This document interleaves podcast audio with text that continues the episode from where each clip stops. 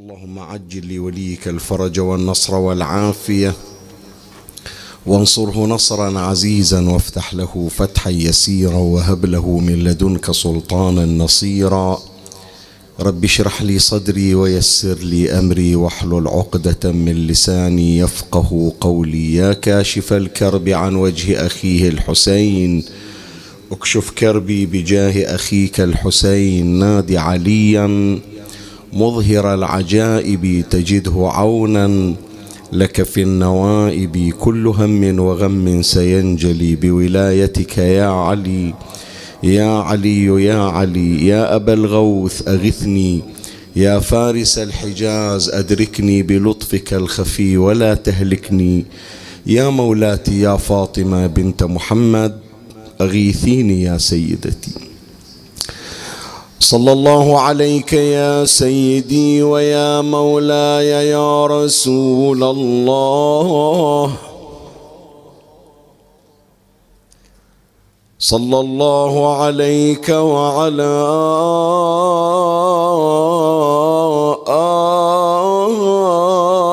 آلك الطاهرين.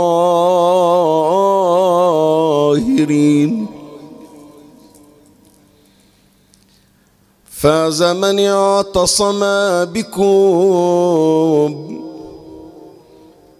وامنا من لجأ إليكم. يا ليتنا كنا معكم سادتي. فنفوز فوزا عظيما.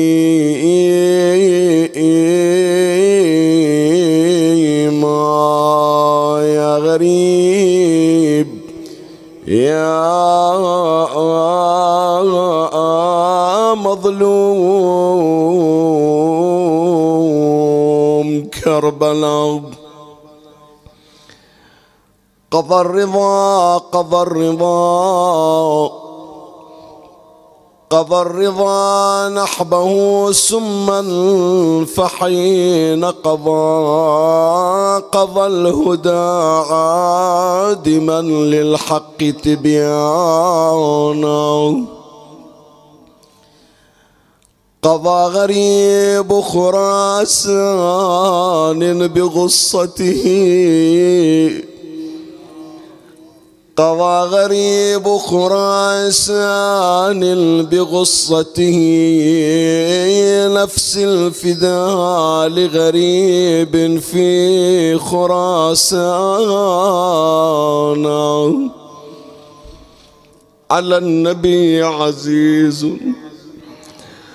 على النبي عزيز والأئمة أن يروا سليلهم بالسم وجعانا على النبي عزيز والأئمة أن يروا سليلهم بالسايم وجعانا يا يا وعز أن تنظر الزهراء مهجته مضرومة بضرام السم نيران. أويلي. وعز أن تنظر الزهراء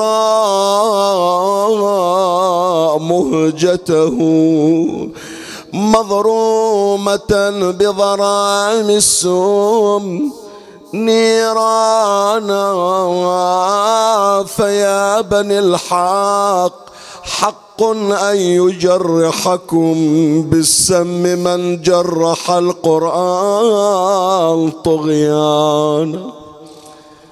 ولا ولا ولا تهنوا برمان ولا عنب. ولا تهنوا برمان ولا عنب. فسمه شاب أعنابا ورمانا. فسمه شاب أعنابا ورمان يا يا يا.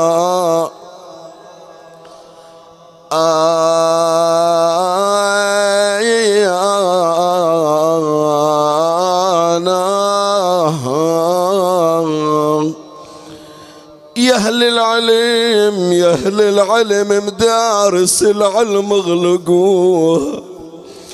واعلام سود على المدارس نشروها. كبد الرضا بالسام ظلمة ينقطعوها. مات الرضا في طوس معظمها مصيب. مات الرضا وظلمة بيوت عقب عين وين الذي يوصل إلى أرض المدينة؟ خبر أبو إبراهيم والزهرة يا الحزينة وينعى الذي سمى تجعيد بأرض طيب. وعرج ذلولك لا تجي صوب النجف روح علي علي علي. وانصى الذي وانصى سيف الله برض كوفان منزوح. ويلي وقعد على قبره وهل الدمع مسفوح ميعادة المحبوب ينسى لا حبيب. إيه ولا جيت من أرض النجف عالرجل الطفوف ونخلى ذي عمره من العدوان مقصوف وخلي أبو فاضل يجي وله بلا جفوف ما ترضى في طوس معظمها مصيب. ولا بلد إلا وفيها منهم رموس وفيهم جماعة بكربلا اندفناو بلا يروس وأعظم مصيبة مصيبة المدفون. في طوس يا رايحا في طوس حي الله محي. ويا الزهرة اليوم خلين وينها؟ ولا تحسبوني للرضا في طوس ماجي. ولا إلى بغداد ما رحت وتعلم كلهم عليهم نوحيت والجيب شق وعظم علي لون ناعي. وين تروح فاطمة؟ منهم بسامراء ومنهم في خراسان. ومنهم برض طيبة ومنهم برض كوفة أعظم علي مصيبتي المذبوح كل المصايب هونتها مصيب انت تتحير اذا اجت المناسبة اي ماتم تروح. مواتم مجهزة وكل ماتم يتمنى يستقبلك. زين قول لفاطمة في أي ماتم السنة؟ في أي موضع أدور أدور في المجالس مثل المضيعات أنا أدور في المجالس مثل المضيعة أدور على ذاك الناعي اللي ينعى أقعد عد باب الحسينية أهل دمعة. أصيح بصوت يا حسين ومصاب. إذا تسألون عني تدوروني؟ وين قاعدة بأي مكان قاعدة إذا تسألون عني تدوروني ترى عد باب الحسينية تحصلون ولي أصيح بصوت من ضلعي ويا عيوني. وأصيح بصوت آه يا حسين ومصاب. يا ابني يا ابني من الوالدة يا حسين يا ابني. يا ابني يا ابني عسى يا ريت ذباحك إنا لله وإنا إليه راجعون. قال إمامنا علي بن موسى الرضا. صلوات الله وسلامه عليه. الإمام الأمين الرفيق والوالد الرقيق والأخ الشفيق ومفزع العباد في الداهية. كنت قد أسست في ذكرى شهادة إمامنا الثامن ضامن الجنة ورؤوف الأئمة علي بن موسى الرضا صلوات الله عليه. سلسلة أسأل الله تبارك وتعالى أن يقذف فيها البركة والنورانية. وأطلقت عليها الرأفة الرضوية. وقد اعتمدت على هذا النص وعلى غيره من النصوص في بيان مقدار رحمة أهل البيت عليهم السلام ورأفة الإمام الرضا عليه السلام. وكان الحديث في حلقتين مضيتا في الليلة المنصرمة أستعرض فيهما مقدار رأفة الإمام ومعنى رأفة الإمام. وقد تحدثنا في الليلة الماضية بما لا مزيد عليه في التفريق بين الرأفة والرحمة. وقلنا بأن الرأفة هي رحمة مبالغ فيها. يعني فائض الرحمة يقال له رأفة أو يقال لها رأفة. جعلت الحلقات معنونة بعناوين متفاوتة. فأما الحلقة الأولى تحمل عنوان رأفة الإمام الرضا عليه السلام على الأرحام والمقربين. وفي الحلقة الثانية أشرنا إلى هذا العنوان وهو رأفة الإمام على المسترشدين. مسترشد أي الشخص الذي يأتي طالبا للرشد طالبا للمعرفة طالبا للهداية. الإمام سلام الله عليه لا يكتفي بتقديم المواعظ وبتقديم المعارف ولوازم الرشد والهداية فحسب وإنما يغدق على هذا المسترشد من رحمته ورأفته. وأشرنا إلى نماذج متعددة في مجلس الليلة الماضية.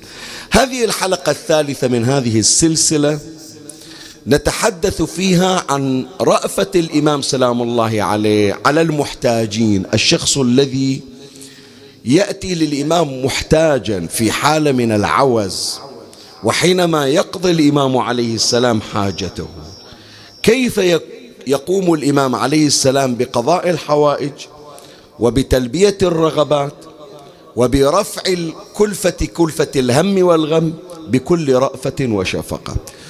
وطبيعي يا أحبائي إحنا في هذا المجلس وفي غير هذه المج... وفي غير هذه المجالس وفي عموم ذكرى مناسبة الإمام سلام الله عليه وفي سائر الأيام. نحن أصحاب حوائج ومن الأبواب بل في طليعة الأبواب التي نطرقها باب إمامنا الرضا عليه السلام. أنت تارة تنظر إلى الحاجة كيف تقضى حتى ولو كان قضاء الحاجة يأتي متأخرا أو يأتي بصعوبة وبمشقة. بعضهم يقول شيخنا صار لي مثلا خمس سنين عشر سنين وأنا في انتظار إلى انقضاء هذه الحاجة لكن ولله الحمد ورا خمس سنوات سبع سنوات قضيت الحاجة.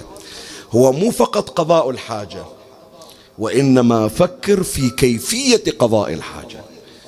تأتيك الحاجة مقضية ومنجزة عن طريق الإمام الرضا عليه السلام مع سهولة ويسر مع شيء من الخفة لا تشعر بثقل تلك الحاجة ولا كأنك عانيت تعب خمس سنوات أو سبع سنوات. فإذا حينما تقضى حوائجنا عن طريق الإمام الرضا عليه السلام واحد من الأمور تنظر إلى الحاجة كيف قضيت وثاني من الأمور كيف هذه الحاجة جاءت بكل سهولة ويسر. وهو معنى رأفة الإمام سلام الله عليه. يعني الإمام يهتم أن تقضى حاجتك بكل لين وسهولة دون أن تشعر بمشقتها وبتعبها. فإذا حلقة هذا اليوم تحمل عنوان رأفة الإمام الرضا عليه السلام على المحتاجين أشير إلى نماذج ثلاثة أمر عليها تباعا ومن الله أستمد العون والتوفيق. ومن مولاي أبي الفضل العباس المدد وألتمس منكم الدعاء.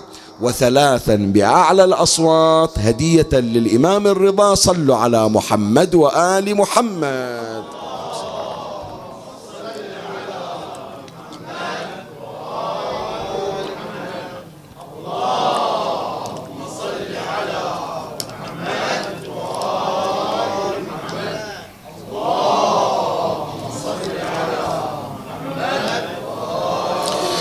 ثلاثة نماذج تشير إلى رأفته سلام الله عليه على المحتاجين. أما الرأفة الأولى من خلالها نريد أن نتعرف كيف يشعر الإمام سلام الله عليه تجاه ذلك الشخص المحتاج والذي يطلب حاجة. انت جنابك لما نصير عندك حاجة وتروح للإمام الرضا وتسأل أو يسألونك كيف تشعر في وقت طلب الحاجة. يقول أوه لو تدروني لو إجيت إلى الشباك شلون أنا كان شعوري. خصوصا أنه أنا صار لي سنوات والحاجة كلهم يقولون لي بأنه ميؤوس منها لن تقضى لن تستطيع أن تحلها. لكن لما إجيت إلى الإمام سلام الله عليه كنت أتحدث بحرقة كنت أعرض حاجتي بألم حتى اللي كانوا موجودين من الزوار انشغلوا عن عبادتهم ونظروا إليه. حتما مرت عليكم مثل هذه المواقف. تسمع عن بعض الأشخاص أحيانا من يجي تحس بأنه فعلا محروق قلبه. فأنت أيها المحتاج تعلم عن مشاعرك في وقت طلب الحاجة. لكن السؤال هل تعلم كيف هي مشاعر الإمام لما يسمع حاجتك؟ فكرت في هذا الأمر. إيش تتصور يعني؟ الإمام ماخذ راحته وهو يعطيك الحاجة. لو أن الإمام يتألم بمثل ألمك أو لا قد يكون وهو الواقع يتألم أكثر من ألمك. أنت جنابك في هذه الخمس سنوات اللي ضاربينها مثلا وصلت إلى الذروة في السنة الخامسة من الألم.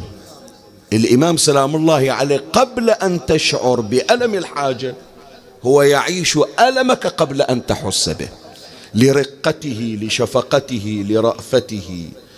فإحنا راح نستعرض في الرأفة الأولى أحوال الإمام إذا سمع عن المحتاجين عن الفقراء عن المعوزين عن أصحاب الحوائج. وهذا ما نقرأه ونعلمه من خلال وصية الإمام الرضا عليه السلام إلى الإمام الجواد. الوصية كأنما الإمام سلام الله عليه كان بنفسه عند منسك مثل ما نعبر عنه أو عند عادة راتبة. أنه يطلع ما ينتظر إلى أن يجي واحد محتاج إلى أن يجي واحد فقير. اليوم يحصل الإمام باكر ما يحصل الإمام. لا.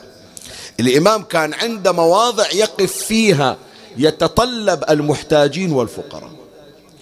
ويظهر أن هذه الوصية لما أخرج الإمام سلام الله عليه من المدينة إلى خراسان مشخصا. زين طلع الإمام إلى خراسان صح أنعم الله على خراسان بقدوم الإمام. لكن أهل المدينة شلون؟ إلا كانوا لهم عوائد ولهم حوائج عند الإمام الرضا. يوم طلع الإمام الرضا شلون؟ فيظهر من خلال الوصية أن الإمام كان يتألم على هؤلاء الذين كان يلقاهم الإمام في كل يوم وكان يأنس إذا قضى حوائجهم.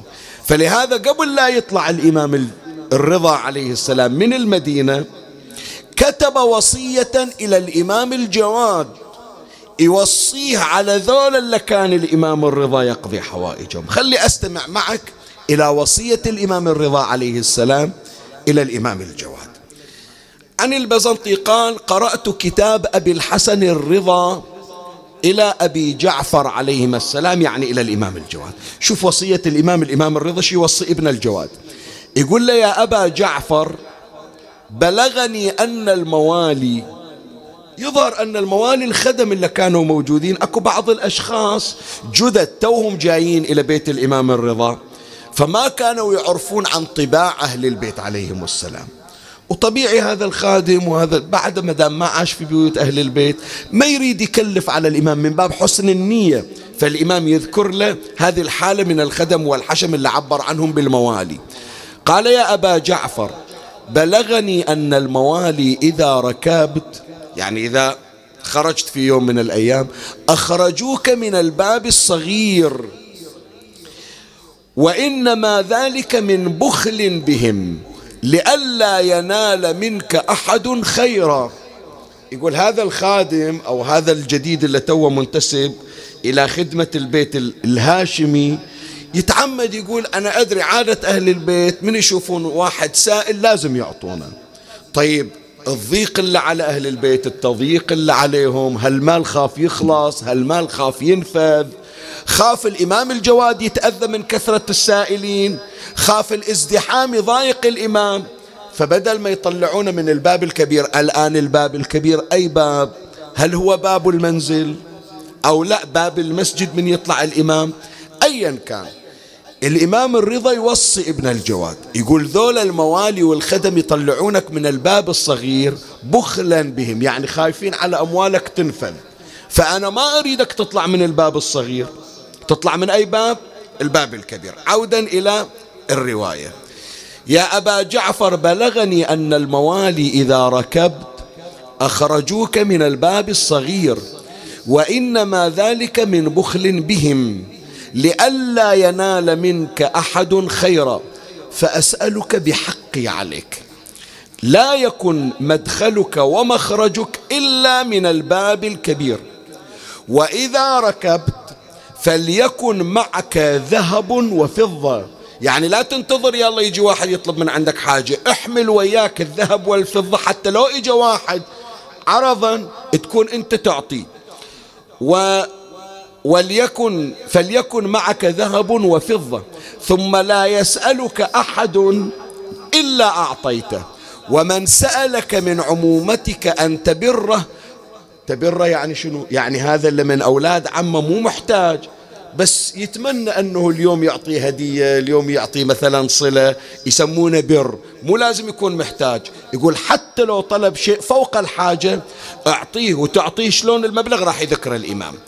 ومن سألك من عمومتك أن تبره فلا تعطيه أقل من خمسة وعشرين دينار. هذا مبلغ كان آنذاك.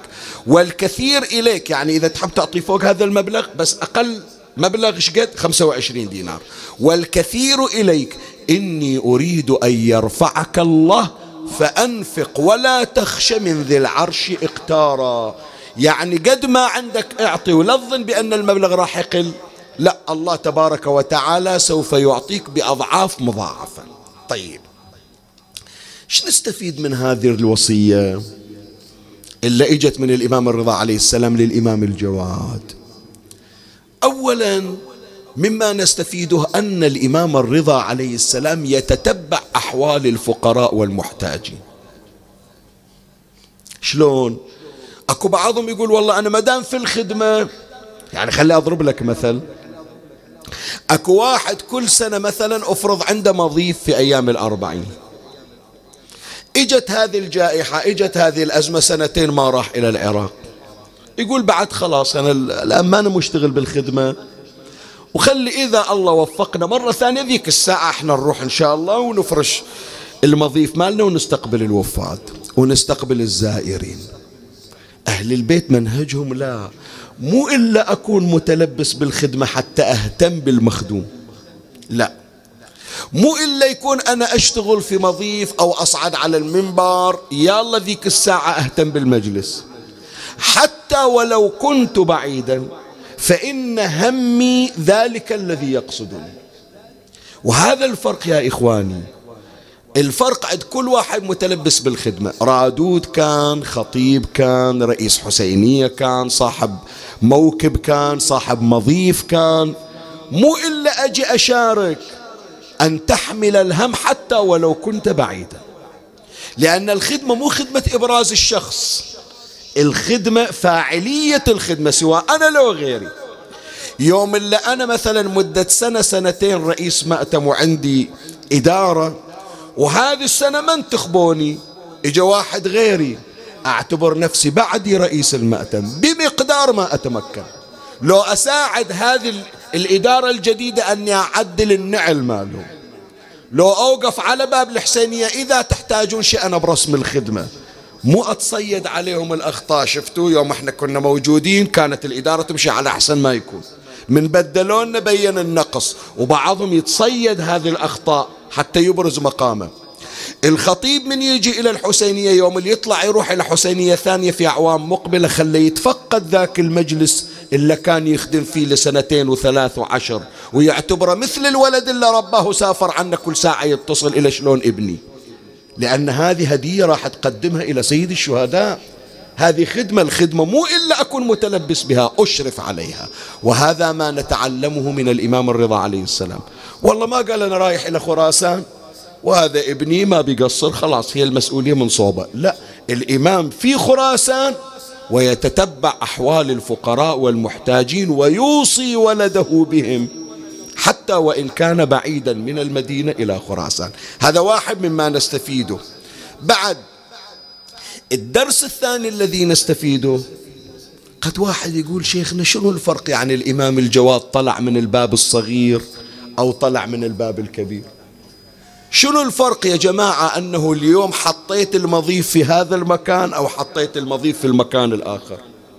خو بالأخير أنا عندي كم مبلغ راح أوزعه أوزعه من نافذة أوزعه من باب أوزعه من دربونة أوزعه من شارع رئيسي. هي مبلغ راح أصرفه. لا مو هذا. الإمام سلام الله عليه لحبه إعطاء الخير يتمنى إعانة أكبر عدد ممكن من الفقراء والمحتاجين. وإلا فرضا أنا عندي خمسين دينار فتحت باب بيتي ووزعت الخمسين دينار على ذول المحتاجين اللي واقفين عند الباب. بس لا الإمام يقول أزيد المبلغ وأروح أدور لي مكان إلا يجيني أكثر عدد من المحتاجين. وهذا لا نجده من كرم إلا عند كرماء العصر والعصور عند سادتنا الأطهار. ويتجلى منهم منه كريم أهل البيت أبو محمد الحسن بن علي الزكي صلوات الله عليه. الإمام الحسن عليه السلام منو سواها يا جماعة غيره؟ أنت جنابك خلي لك مبلغ ووقف على الباب وأعطيه إلى أي واحد محتاج. الإمام الحسن مو هالشكل. الإمام الحسن يوقف عند الباب ويفتح باب بيته ويقول لهم هذا بيتي خذوا منه ما شئتم. اليوم هذا مو بيتي هذا بيتكم. إلا تحبون تأخذون أخذوا. يفتح باب بيته ويجون الناس. إلا يشوف إلى ماعون إلا يشوف له رداء إلا يشوف إلى فرس إلا يشوف أموال. فلهذا ورد قاسم الله في ماله مرتين وثلاث حتى أنه كان يمسك نعلا ويتصدق بنعل. ما يخلي شيء. كل اللي عنده لله تبارك وتعالى. الإمام الرضا كعمه الإمام الحسن صلوات الله عليهما. ما قال والله مبلغ وأدفع لا. أريد أكبر عدد من المحتاجين ينال الخير الذي جاءنا من عند الله تبارك وتعالى. هذا اثنين. بعد. وهذه خلوها عندكم في بالكم. من يوم من الأيام تطلبون حاجة من عند الإمام. سلام الله عليه. يعني. شلون؟ أنا أقول لك فرض علي دين عشرة آلاف دينار. متحير شلون هذا الدين ينسد؟ لما تروح تطلب من عند الإمام الرضا إيش تتصور؟ يعطيك العشرة آلاف؟ لا. يعطيك ما تسد به حاجتك وما يغنيك بعد الحاجة. هذه خليها في بالك. هذا من كرم ورأفة الإمام. سلام الله عليه. يعني. راح يمر علينا إن شاء الله في النموذج الثاني. ما يكفي الإمام أنه والله الحاجة اللي طلبتها يعطيك إياها. شيخنا صار لي سبع سنوات ما عندي ذرية. فأنا أجي إلى الإمام الرضا عليه السلام أطلب من عنده أن الله ينعم علي بالذرية ببركته. زين إجاني الولد وفرحت بالولد لكن الولد من كبر صار ولدا عاقا. صار ولدا عاصيا الفرحة صارت بس يوم اللي حصلت الولد تالي تبدل الفرح إلى حزن. لا هذه ما يسمونها عطية مميزة. العطية المميزة من عند الإمام الرضا أن يكون سبب في الذرية وأن يقر الله عينك في تلك الذرية لأنها ببركة الإمام الرضا عليه السلام. فلهذا الإمام الرضا عليه السلام من يدفع من يعطي ما يقول والله مبلغ هذا المقسوم وأعطيناك إياه لا. وإنما يعطي ما يغني ويعطي فوق الثراء. وهذا اللي نشوفه أنهم من يجون له يقول له حتى أولاد عمك ما محتاجين بس حتى اللي مو مو محتاج من يمر يقولون اليوم عطية الإمام الرضا عليه السلام. عطية الإمام الرضا تغني فوق الغنى. فهذا من ضمن أنواع رأفة الإمام سلام الله عليه كما مر علينا في وصيته إلى ولده الإمام الجواد عليه السلام. زين خلنا نيجي إلى رأفة ثانية. رأفة ثانية مع المنكوبين والمتضررين. أكو واحد مو فقير مو محتاج بخير هو لكن يمر عليه وقت من الأوقات يصير في نكبة يصير في كارثة يصير في ضرر. مرت علينا هذه الجائحة وشفنا بعض الأشخاص مثلا الله تبارك وتعالى منعم عليه عنده رزق. لكن إجت جائحة عامة شملت العالم بأسره توقف عمله. فلما يقولوا له أنت فقير يقول لا أنا مو فقير الحمد لله عندي بضاعة عندي خير. لكن بلاء عالمي أنا شو أسوي؟ زين. مع المنكوبين والمتضررين. كيف هي رأفة الإمام الرضا عليه السلام؟ يذكر لنا التاريخ والسير المطهرة. نموذج إلى رجل من خراسان. هذا رايح إلى الحج. ورجل مقتدر بخير الله منعم عليه. لكن مثل ما قلنا حادث عرضي بلاء غير محتسب. صار منكوبا صار متضررا. هذا الرجل الخراساني رايح إلى الحج ويوم اللي بيطلع من الحج يدور فلوسه ضاعت الأموال. ما أدري لو انسرقت لو ضاعت. الآن لا عنده مبلغ إلا يرجعه إلى خراسان. والرجل ما متعود يمد إيده إلى أحد حتى ولو من باب الدين والسلف. في بعض النقولات لهذه القضية. إلا وياه قالوا له مثل ما نقول إحنا بمصطلحاتنا فالك طيب. إحنا ندفع لك المبلغ خو من ترجع سدده. بس ما يريد هو الرجل شريف يخاف أنه باكر الناس تحكي عنه والله فلان صار بشدة وقف وياه فلان. خاف هذا اللي يعطيه باكر مثل ما نقول إحنا بالخليج كاسر عليه جميل مسوي عليه فضل. تذكر ذيك السنة من وقف وياك بالحج يوم ضاعت فلوسك؟ مع العلم والرجل بخير لكن شدة عارضة معرض كل واحد أن يقع فيها. فهو لفرط شرفه ما طلب من أحد.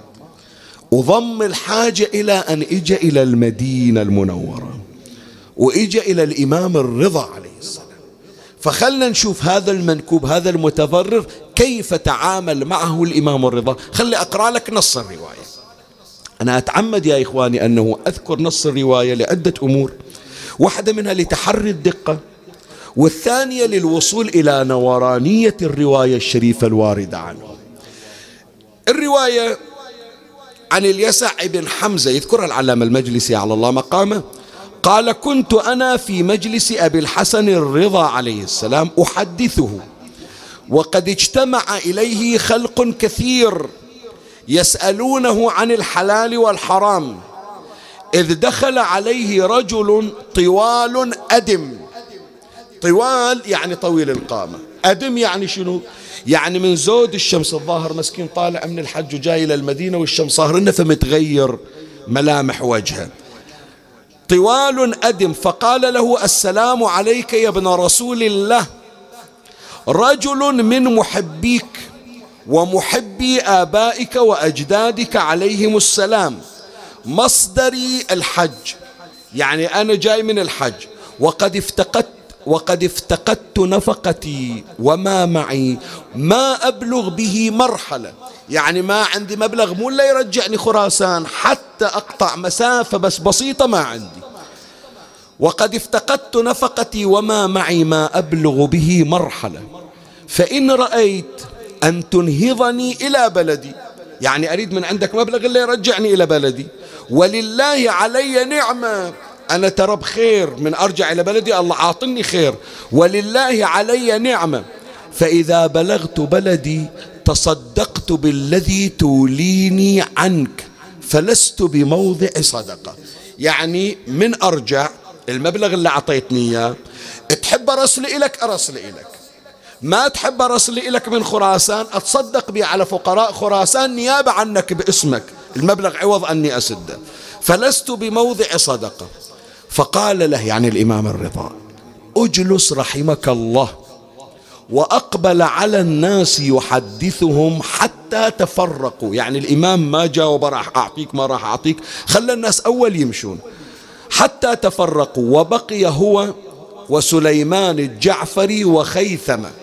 وأنا هذا الراوي اللي هو اليساع بن حمزة فقال أتأذنون لي في الدخول؟ هذا يبين لنا شقد أدب الإمام الرضا عليه السلام. الآن إحنا لما بضيافة الحج في المجلس الحج يقوم يدخل إلى داخل البيت عادي هذا أمر عادي.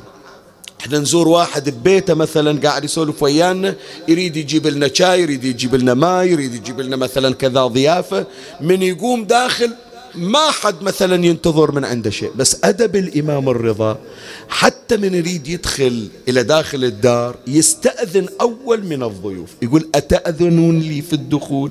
عندي حاجة في داخل البيت تسمحوا لي؟ شوف الرقي عند الإمام الرضا عليه السلام. فقال أتأذنون لي في الدخول؟ فقال له سليمان قدم الله أمرك. فقام فدخل الحجرة وبقي ساعة يعني انتظر الإمام داخل البيت. ثم خرج ورد الباب وأخرج يده من أعلى الباب.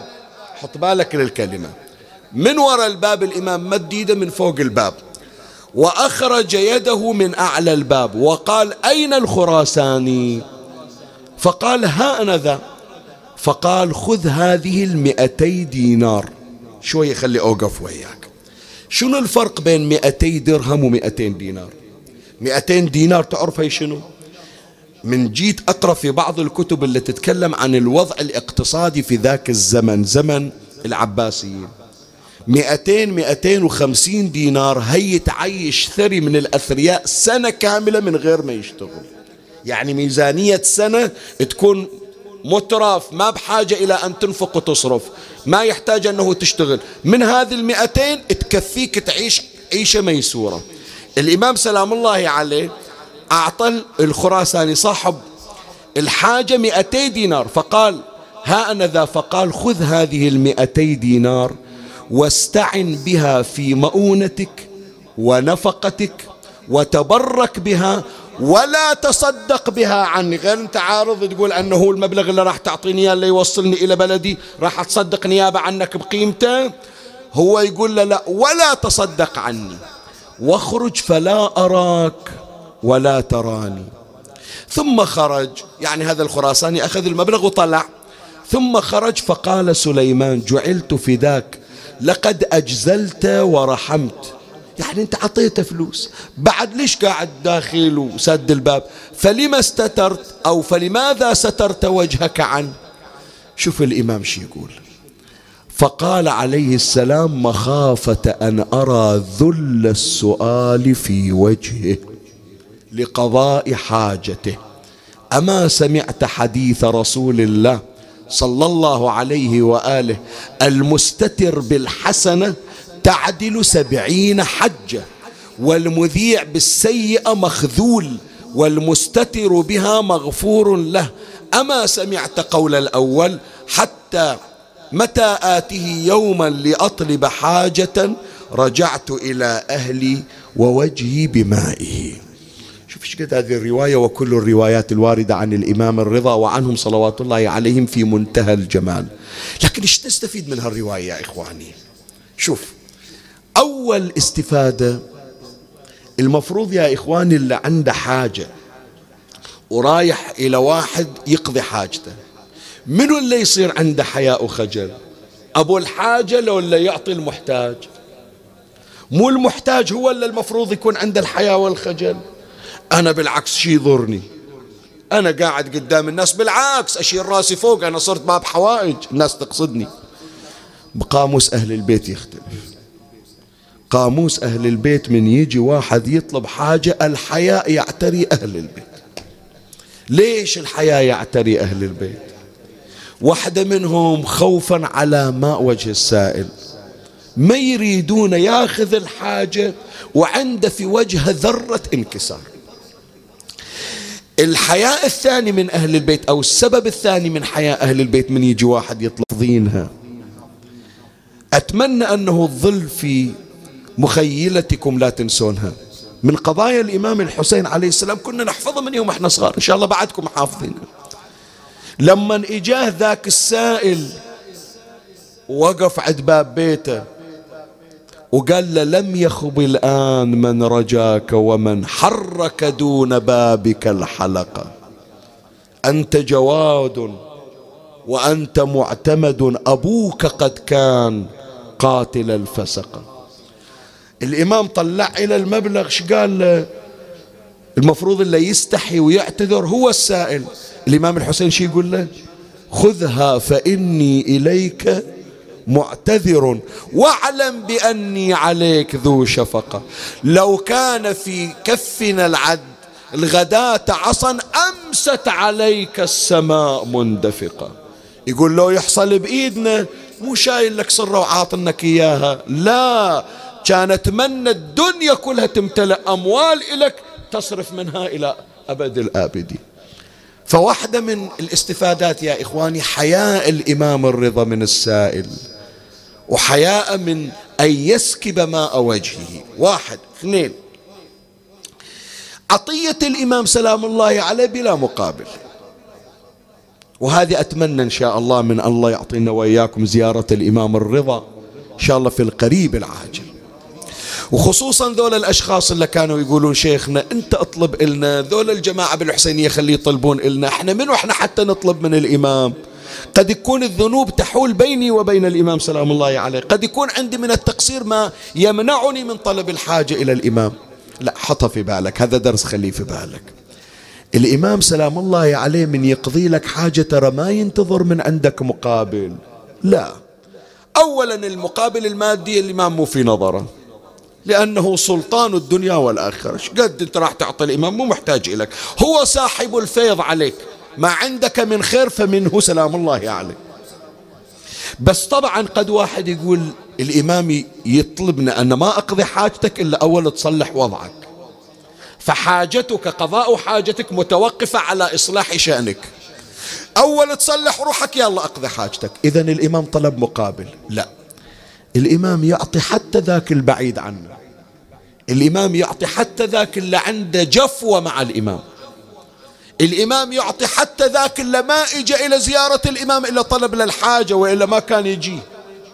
ما ينتظر من عنده أنه يرد إلى الحاجة بأن يصلح شأن. نعم الإمام الرضا يأمل أن توفق لإصلاح شأنك.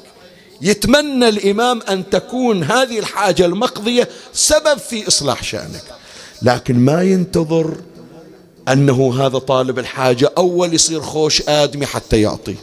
ليش؟ شنو السبب؟ لأن كرم الإمام الرضا وكرم أهل البيت هو كرم الله.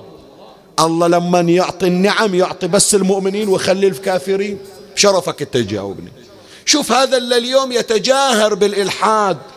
شقد مر عليكم مقاطع بعض الأشخاص يتحدى الله تبارك وتعالى. إن شاء الله ما تشوفون هالمشاهد وهالمقاطع. ياخذ القرآن ويرميه حشاكم وحش القرآن الكريم في الزبالة أو يطأه بحذائه. يتحصل الصحة. من وين حصل الرزق؟ من وين هذا النفس يطلع ويدخل؟ من الله تبارك وتعالى. حتى في المعصية. الله ما يقطع عنا الخير.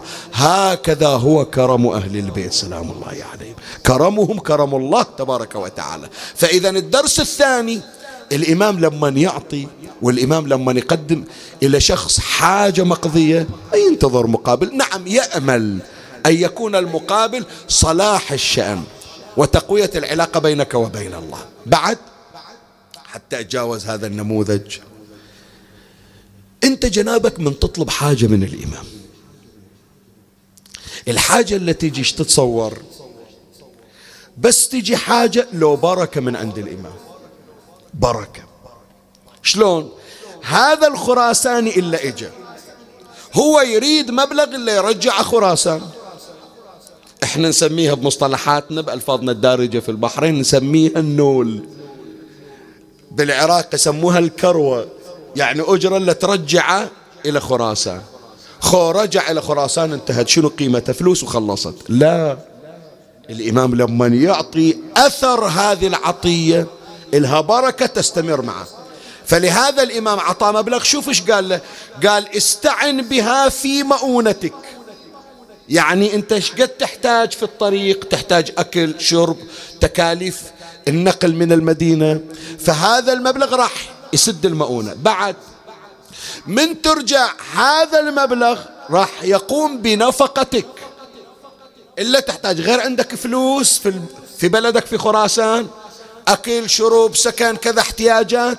هذا المبلغ من تخليه راح الله يبارك في نفقتك. من بركة هذا المبلغ اللي أعطيتك إياه. الثالثة قال وتبرك بها. يعني المبلغ اللي تصرفه من هذه العطية اللي أعطيتك إياها راح يكون عليك أثر في الصحة في العافية في زيادة الرزق من مال جاء به جاءك عن طريق الإمام سلام الله عليه. قبل لا نحط نقطة آخر السطر على هذه الرأفة الثانية. أتصور اللي قاعدين كلهم الله وفقهم لزيارة الإمام الرضا عليه السلام. الما رايح إن شاء الله الله يعطيه في القريب العاجل. بس الزوار اللي راحوا أسألهم راحوا المضيف لو ما راحوا؟ مضيف الإمام الرضا عليه السلام. طيب أكو بعض الأشخاص يقول شو يوديني المضيف أنا؟ أولا زحمة ثانيا من أطلع من الحضرة على ما أروح أمشي إلى المضيف والظهر. لا خلي أرجع إلى الفندق. أحسن. غير هي وجبة أنا خو دافع في الفندق. تمام لو لا؟ شنو الفرق بين الزاد اللي تاكله في مضيف الإمام والزاد اللي تاكله ببيتك؟ شنو الفرق؟ إيه هو سر البركة. سر بركة الإمام. وما أدري جنابكم اللي راحوا المضيف يتذكرون. من تجي تريد تدخل المضيف وعندك هذا الكرت كم واحد تشوفه واقف عند الباب هناك؟ في الخارج في الشمس. كم واحد يتعلق بك يتوسل؟ يقول أريد من عندك شيء ولو بسيط. بعضهم يقول يا ريت هذا الكرت اللي عندك تعطيني إياه. البعض يقول حتى لو ما تريد تعطيني إياه إذا فضل من زادك شيء لو حبة من الرز لو قطعة خبز. شفتون هذه لو لا؟ ليش؟ لأن يعرفون بأن وجود هذه الذات البركة الرضوية الدفينة. وما أدري مار عليكم لو لا. إن شاء الله لما شافوها من يروحون إن شاء الله في الأيام القادمة سريعا يشوفون هذا الموقف. حتى لو أكلوا شبع بقايا الرز بقايا الخبز ياخذ بعضهم من أمهاتنا يجففونه ويجيبونه ويذبونه في الرز اللي عندهم في البيت. إذا عنده شوية ملح يخليه في الملح اللي موجود في البيت. ليش؟ يقول هذه البركة الرضوية. بعضهم يقول إيش هالخرافات هذه؟ لا مو خرافات. هذه الإمام سلام الله عليه يقول يقول وتبرك بها.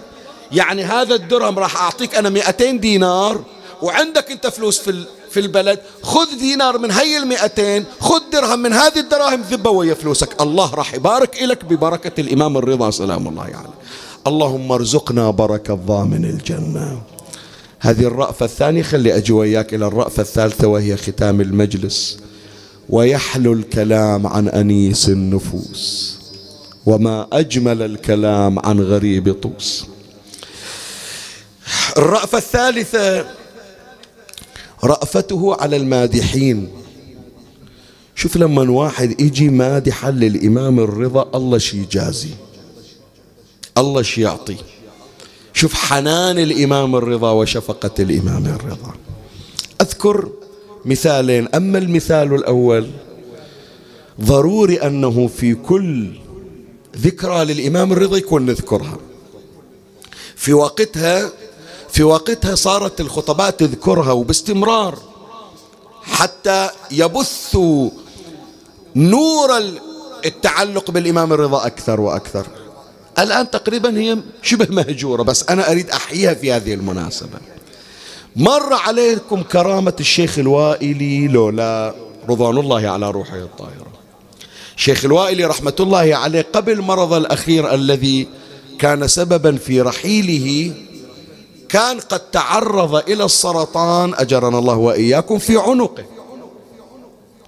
كان هذا سنة 1998 غير سنة رحيله وغير سنة وفاته رحمة الله عليه. أول ما إجاه المرض إجاه مرض في الرقبة بعضهم يقول في الحنجرة. السرطان.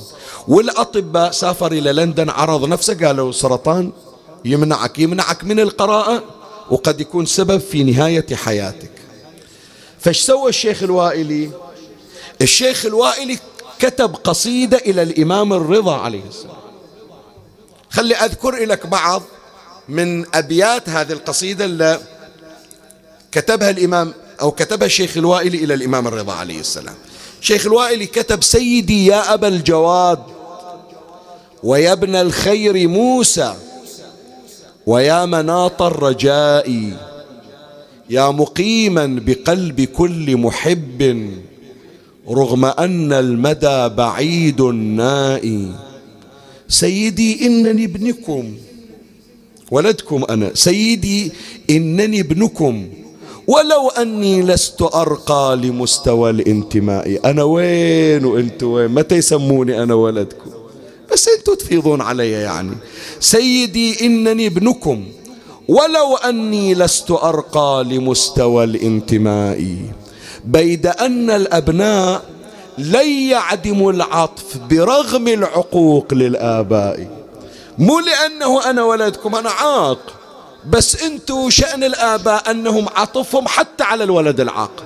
بيد أن الأبناء لن يعدموا العطف برغم العقوق للآباء. مد كفيك يا ابن فاطم وامسح عنقي بالشفاء من كل داء. هذا المرض اللي عجزت لندن تعالجه. أنت يا أبا الجواد ولو أنك في خراسان في طوس أثرك النوراني إن شاء الله يجيب الشفاء من عند الله. مد كفيك يا ابن فاطمة وامسح عنقي بالشفاء. من كل داء ولتكن هذه يد من أياد غمرتني بالفضل والآلاء. يقول أنا عايش ببركتكم. أنا حياتي كلها ببركتكم. وأنت ما مقصر وياي. هي واحدة من ضمن العطايا. زين كتب الشيخ الوائلي القصيدة. الآن يريد يعطيها واحد يسافر إلى مشهد حتى يذهبها في ضريح الإمام سلام الله عليه ما عنده أحد راح يسافر هو بسوريا. ما عنده أحد راح يسافر. ذيك الليلة وهو متحير حط راسه نام. يوم الثاني إجاه اتصال واحدة من قريباته. علوية. اتصلت إلى الشيخ الوائلي قالت شيخنا أبو سمير أنت كاتب أبيات إلى الإمام الرضا. ما حد يدري عن الأبيات. ما مخبر أحد. أنت كاتب قصيدة كاتب أبيات إلى الإمام الرضا. قال لها إيش دراك قالت البارحة جاني الإمام الرضا بالطيف ويقول لي سلمي على أحمد وقولي له ما يحتاج يدور واحد يجيب الأبيات. الأبيات وصلتنا والشفاء جاه ولو أنه ما وصلتنا الأبيات في الرسالة. الشيخ الوائل تفاجأ. هي إيش دراها عرفها حتى أهله ما يدرون عن الأبيات شنو القضية. سافر الشيخ الوائل إلى لندن عرض نفسه على الأطباء كشفوا عليه قالوا ليس فيك ذرة من السرطان.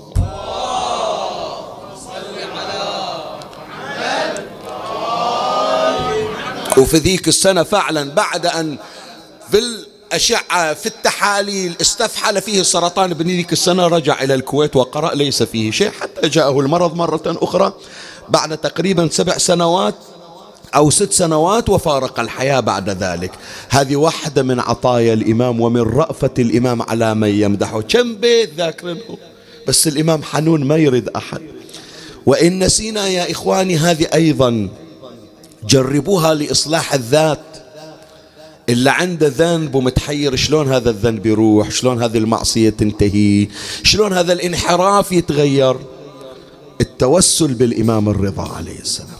التوسل بالإمام الرضا مجرب في إصلاح الذات ولعل أصدق الأمثلة خلاص راح أختم أنا. مجلس انتهى. أبو نؤاس الشاعر. أبو نؤاس الشاعر مر عليكم. إحنا نقرأ عادة على المنبر أبيات التي نظمها في الإمام الرضا قيل لي أنت أفضل الناس طرا في فنون من بيان النبيه لك من جوهر البيان بديع يثمر الدر في يدي مجتنيه. فعلام تركت مدح ابن موسى والخصال التي تجمعن فيه. قلت لا أهتدي لمدح إمام كان جبريل خادما لأبيه. إحنا نذكر هذه صلوا على محمد وآل محمد. بس هذا أبو نؤاس يا إخواني الحسن ابن هاني. قبل لا يجي الإمام إلى خراسان معروف بالمجون والانحراف. من تجي إلى ديوانة ديوانة مقسم إلى جزئين. جزء يسمونه الخمريات جزء يسمونه الغزليات. كل في الغزل والمجون وفي شرب الخمر. بس من اجى الإمام الرضا ونظر إلى غرة وجه الإمام الرضا الله وضع تبدل خلاص. مو ذاك أبو نؤاس اللي يعرفونه. في يوم من الأيام عقب هذه الأبيات صار شغله فقط حب أهل البيت. اجى إلى الإمام الرضا عليه السلام قال له سيدي عندي شوية أبيات ناظمنها في حقكم. أتمنى تفيض علي وتمن علي وتسمعها من عندي. قال له هاتي ما عندك يا أبا نؤاس. فقال أبو نؤاس مطهرون. نقيات ثيابهم تجري الصلاة عليهم أينما ذكروا.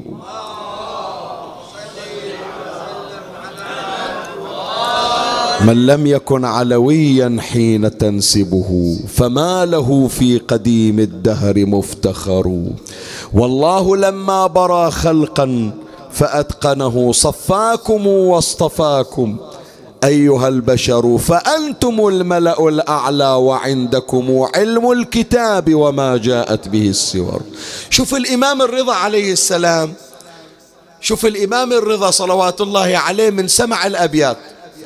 يذكرها العلامة المجلسي في بحار الأنوار يقول فقال الرضا عليه السلام قد جئتنا بأبيات ما سبقك إليها أحد ثم قال يا غلام هل معك من نفقتنا شيء؟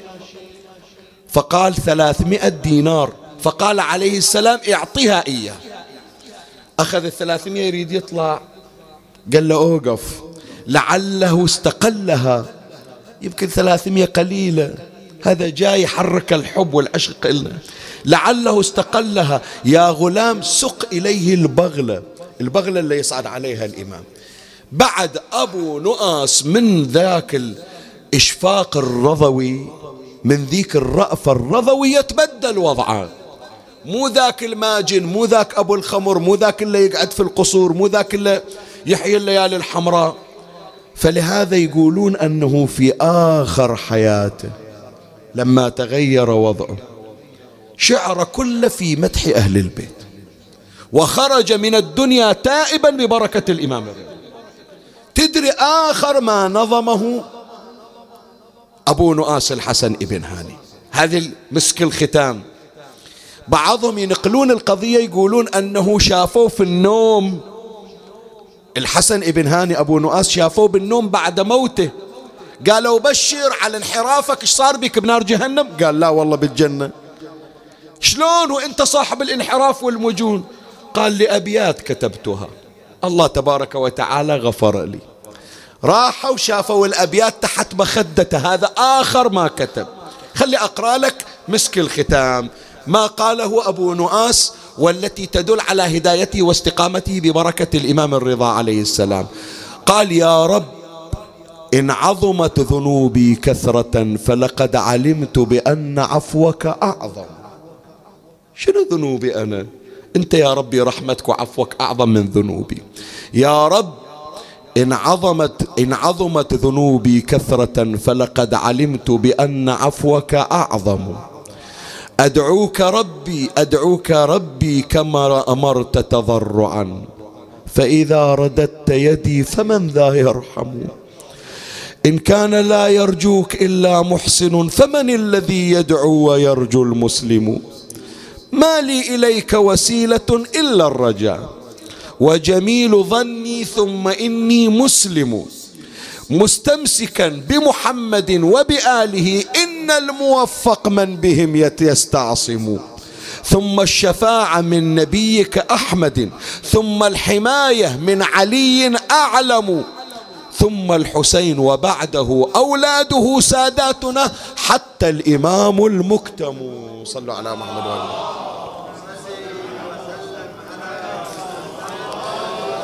بالله عليك هذا أبو نؤاس صاحب ديوان الخمريات صاحب ديوان الغزليات اللي حياته كلها سواه يتوسل بمحمد وآل محمد وباعتقاده بالإمام صاحب الزمان وهو لم يدرك عصره؟ بركة أنوار الرضا بركة رأفة الرضا هذا التغيير الرضوي لإصلاح الذات. ولهذا المأمون لخبثه يعرف الإمام الرضا حتى لو ما نصب إلى منبر نور الرضا كفيل بالتغيير. النور الرضوي كثير كفيل بالهداية. فلهذا صار يتحين الفرص في إمامنا. ثلاث سنين ما طول قال بعد يطول يوم واحد يقضي على مشهد. يخليها كلها رضوية. وقد كان حدسه في محله التفت الإمام الرضا عليه السلام إلى أبي الصلت الهروي. قال يا أبا الصلت يوشك أن يدعوني هذا الطاغية فأجيبه. فإذا أجبته فصر معي. لا تخليني بروحي تعال وياي إلي حاجة بيك. أريد واحد يوثق الأحداث إيش صار؟ لأنه يريد يضم مقتلي على الناس. بينما الإمام سلام الله عليه في محرابه وإذا غلام المأمون أقبل قال يا. يا أبا الحسن أجب أمير المؤمنين. قام الإمام الرضا عليه السلام وضع الرداء على منكبيه لبس نعله توجه إلى قصر المأمون وكان الوقت فجرا حتى ما يعرف أحد. وأبو الصلت يمشي من خلف الإمام الرضا. من إجا عند قصر الإمام من إجا عند قصر المأمون الإمام الرضا عليه السلام التفت إلى أبي الصلت قال أنت ما يدخلونك خليك واقف على الباب لكن أخبرك إن خرجت ورأسي مكشوف كلمني أكلمك حدثني أحدثك. لكن إن خرجت ورأسي مغطى فلا تكلمني ولا تحدثني لأني مشغول عنك بنفسي. ما تدري ذيك الساعة إيش صاير بي؟ أبو الصلت يقول حطيت إيدي على قلبي ما أدري إيش راح يصير. دخل الإمام الرضا عليه السلام على المأمون العباسي وإذا هو جالس وبين يديه طبق فيه عنقودان من عنب التفت المأمون إلى الإمام الرضا قال يا ابن العم أهدي إلي هذان العنقودان وقد تنغصتهما عليك ما أعرف آكل إلا أنت وياي. وهو ذيك الليلة مرر السم على بعض حبات العنب.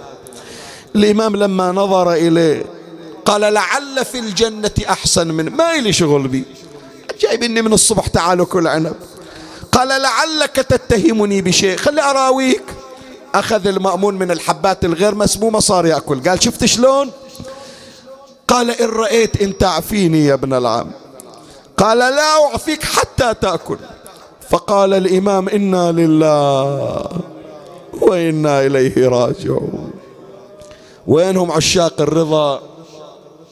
وينهم زوار الرضا؟ وينهم اللي من نسايلهم ما شفناك البارحة قال والله في صحن الغدير أنا. أقرأ دعاكم في رواق المرحمة أنا. وين قال رايح؟ كل واحد يقول للثاني ها لزمت الشباك لو لا. هذا معشوقكم هذا حبيبكم. هذا الرضا اللي ما تعرف سنة تمر إلا لازم تروح إلى زيارته. هذا اللي مرت عليك سنتين كأن روحك راح تطلع يوم ما رحت إلى مشهد. يستاهل من عندك الصيحة يستاهل من عندك الصرخة. خلى مجلسنا هذا يصير مجلس رضوي. عظم الله أجوركم. أحسن الله لنا ولكم العزاء. فقال إمامنا الرضا عليه السلام إنا لله وإنا إليه راجعون. ثم مد يديه إلى ذلك العنق إلى ذلك العنقود المسموم. وتناول منه بعض الحبات فأحس كأن السكاكين تقطع أحشاء. أين الصارخ؟ أين الضاج أين المنادي؟ وإمامه التفت إليه المأمون. قال إلى أين يا ابن العام قال إلى الوجه الذي وجهتني إليه. بلغت مرادك قطعت فادي من حرارة السن ثم وصل الإمام إلى الباب. أبو الصلت كان واقفا. ينتظر خروج الإمام في صحة وسلام. وإذا بالباب قد انفتح وإذا الإمام قد خرج وقد غطى وجهه ووضع يده على بطنه. صار الإمام يشير إلى أبي الصلت تقدم تقدم أبو الصلت والإمام وراءه. كأن أبا الصلت التفت إلى ورائه وإذا الإمام يضع يده على الجدار من شدة الضغط جاء إلى الدار قال يا أبا الصلت افرش لي فراش. يعني ما يقدر حتى يتمشى إلى حجرته. يقول خلاص بعد طاقة استهلكت. افرش لي فراش. فرش أبو الصلت له فراشا أقبل إمامنا الرضا ألقى بنفسه على الفراش. غلق الأبواب أبو الصلت غلق الأبواب والنوافذ. يقول إجيت أسدد الأبواب أسكر كل النوافذ. آخر باب صكيته وإذا ولد عمره سبع سنين. بإيده منديل ويمسح دموعه. وقفة تكسر الخاطر. التفت إلى أبو الصلت قال له بني من الذي أدخلك والأبواب مغلقة؟ بعد الشمس ما طالعة. كم جايب إنك؟ منو مدخلنك قال يا أبا الصلت إن الذي جاء بي من المدينة إلى خراسان هو الذي أدخلني وأنا وأدخلني والأبواب مغلقة أنا إمامك محمد الجواد وصل صوته إلى أبوه. الإمام هناك على الفراش. سمع اسم محمد الجواد. وإذا الإمام الرضا ينادي ولدي محمد إلي إلي نور عيني قريب ثلاث سنين ما عندي أحد من أهلي. ولدي جاي الآن. خلي أحكي ويا الإمام الرضا. أريد أحرك قلبك شوية. أقول له الله يا سيدي سمعت ونة اليتيم وانكسر خاطرك. أبو الصلت الهروي يحكي وياه بكل نعومة ولين ورفق. ما ضرب بصوت ما رفع إيده ولا طمع على خده ما حط حبال بإيده بس سمعت ونة اليتيم انكسر قلبك عليه سيدي. سيدي فلو كنت حاضرا في كربلاء أنا لو قلت بويا يضربوني. يضربوني ولا ناديت بأهلي يشتموني ومن الضرب ورمة تمتوني أقبل الإمام الجواد رمى بنفسه على صدر والده. صار الإمام يشبعه لثما وتقبيلا. يقول له بني ما حال العلويات؟ قال أبا تركتهن في بكاء عليه قام يوصي. اسمع وصيته إليه. بوصيك يا ابني بالبنات الهاشميات. رد لهم الطيبة وقلهم والدي ما بويا. الله يعينك يا حبيبي على الفجيعة يا ابني ترى الأيتام وحريمي وديعة ليكون طفل لو يتيم ينال ضيعة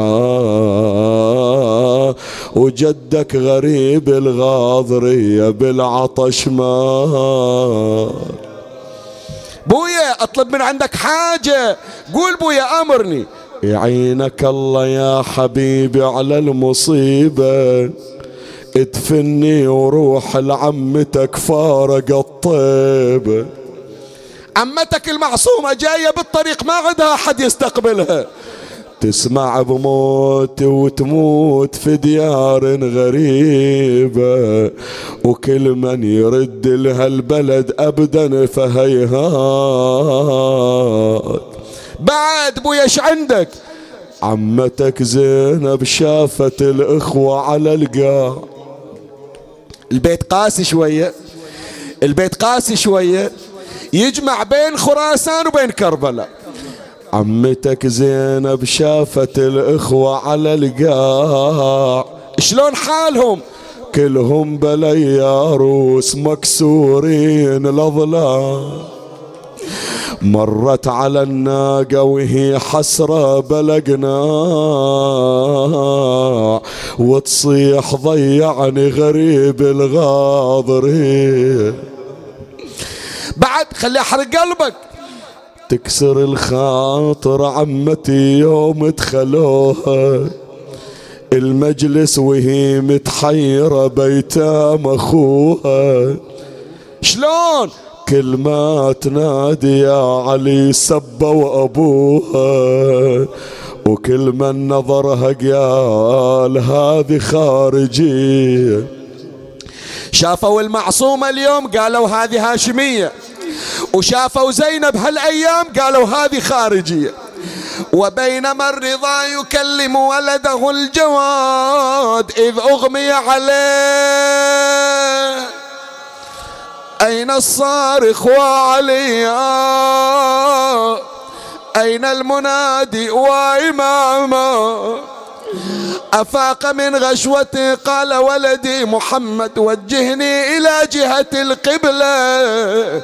صار اليتيم يوجه أباه إلى القبلة والإمام يقرأ القرآن إذ انقطع صوته.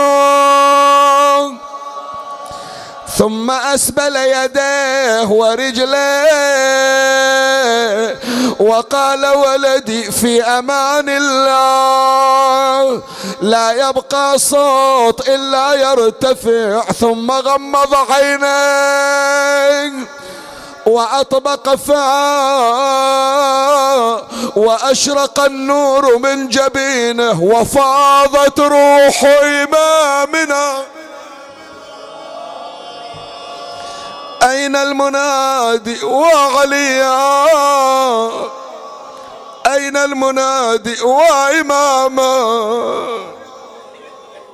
الكون كله ضج على الرضا. السماء الأرضون البحار الملائكة الجن الحيتان في البحار. خراسان ضجت على الإمام. لكن سمعوا ونة مختلفة في البقيع. فاطم تنادي ما إجت من طوس أخبار. يمتى تجي الغياب لنا يا أهل الدار. ردت عليها طوس يا زهرة الحزينة.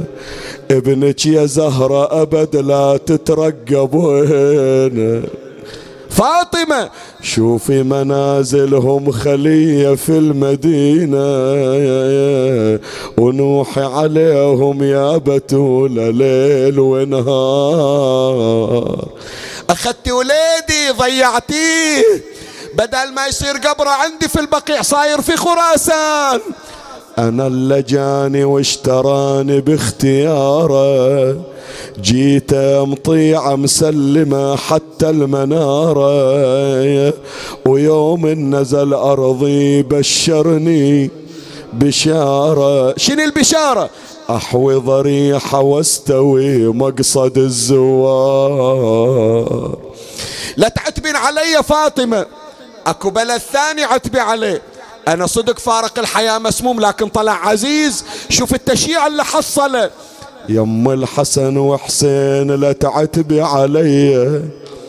عتبي على بغداد ورض غاضرية في كربلاء صعدت عليهم. لعوجية ريتك نظرتيهم عليهم سافي غبار. فاطمة يم الحسن عتبك على العين وعلى الراس. إن كان شفتي لجسد بالخيل يندعياس لولا أخو مذبوح مثل البطل.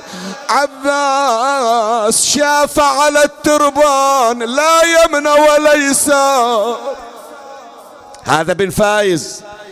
خلنا نشوف ملا عطية إيش عنده. ملا عطية تذكر شغلة ثانية.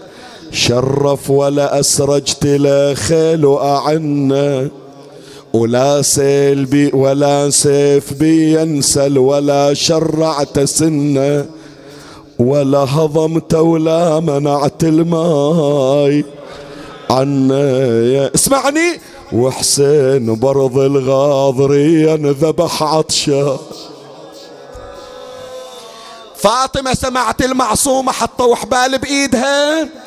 سمعت فاطمة المعصومة وقفت بالمجالس.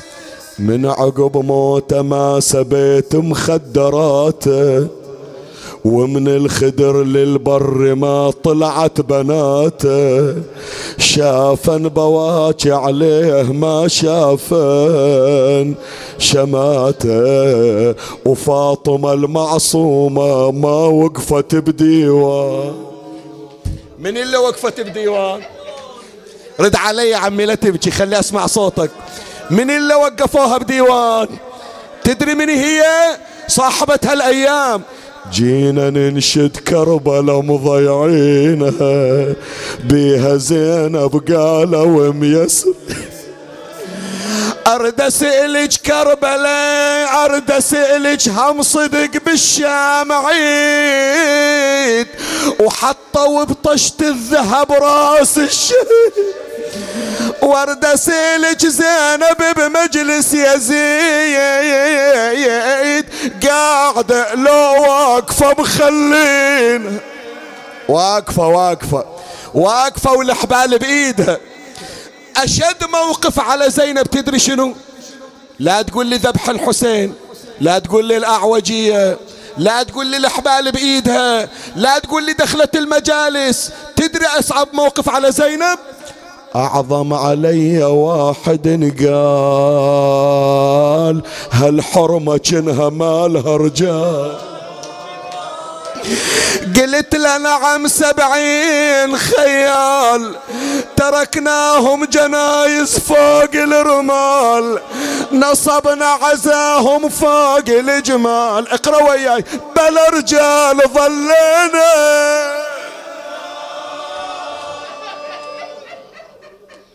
لا والد لي ولا عم نلوذ به ولا أخ لي بقي أرجوه ذو رحمي. اللهم صل على محمد وآل محمد. اللهم عجل فرج إمامنا صاحب العصر والزمان. شرفنا برؤيته وارزقنا شرف خدمته. اجعلنا من خلص حواريه وخدامه وارزقنا تقبيل يديه وأقدامه. بحقه عليك وبحق صاحب هذا اليوم عليك يا الله من علينا بتوبة تبيض بها وجوهنا عند سادتنا. يوم نلقاك في حشرنا ونشرنا اقض بهم حوائجنا اشف بهم مرضانا فرج بهم بهم همومنا. ترحم على أموات وأموات الباذلين والسامعين والمؤمنين أينما كانوا سيما من لا يذكره ذاكر. أوصل لهم ثواب هذا المجلس وبلغهم ثواب الفاتحة مع الصلوات.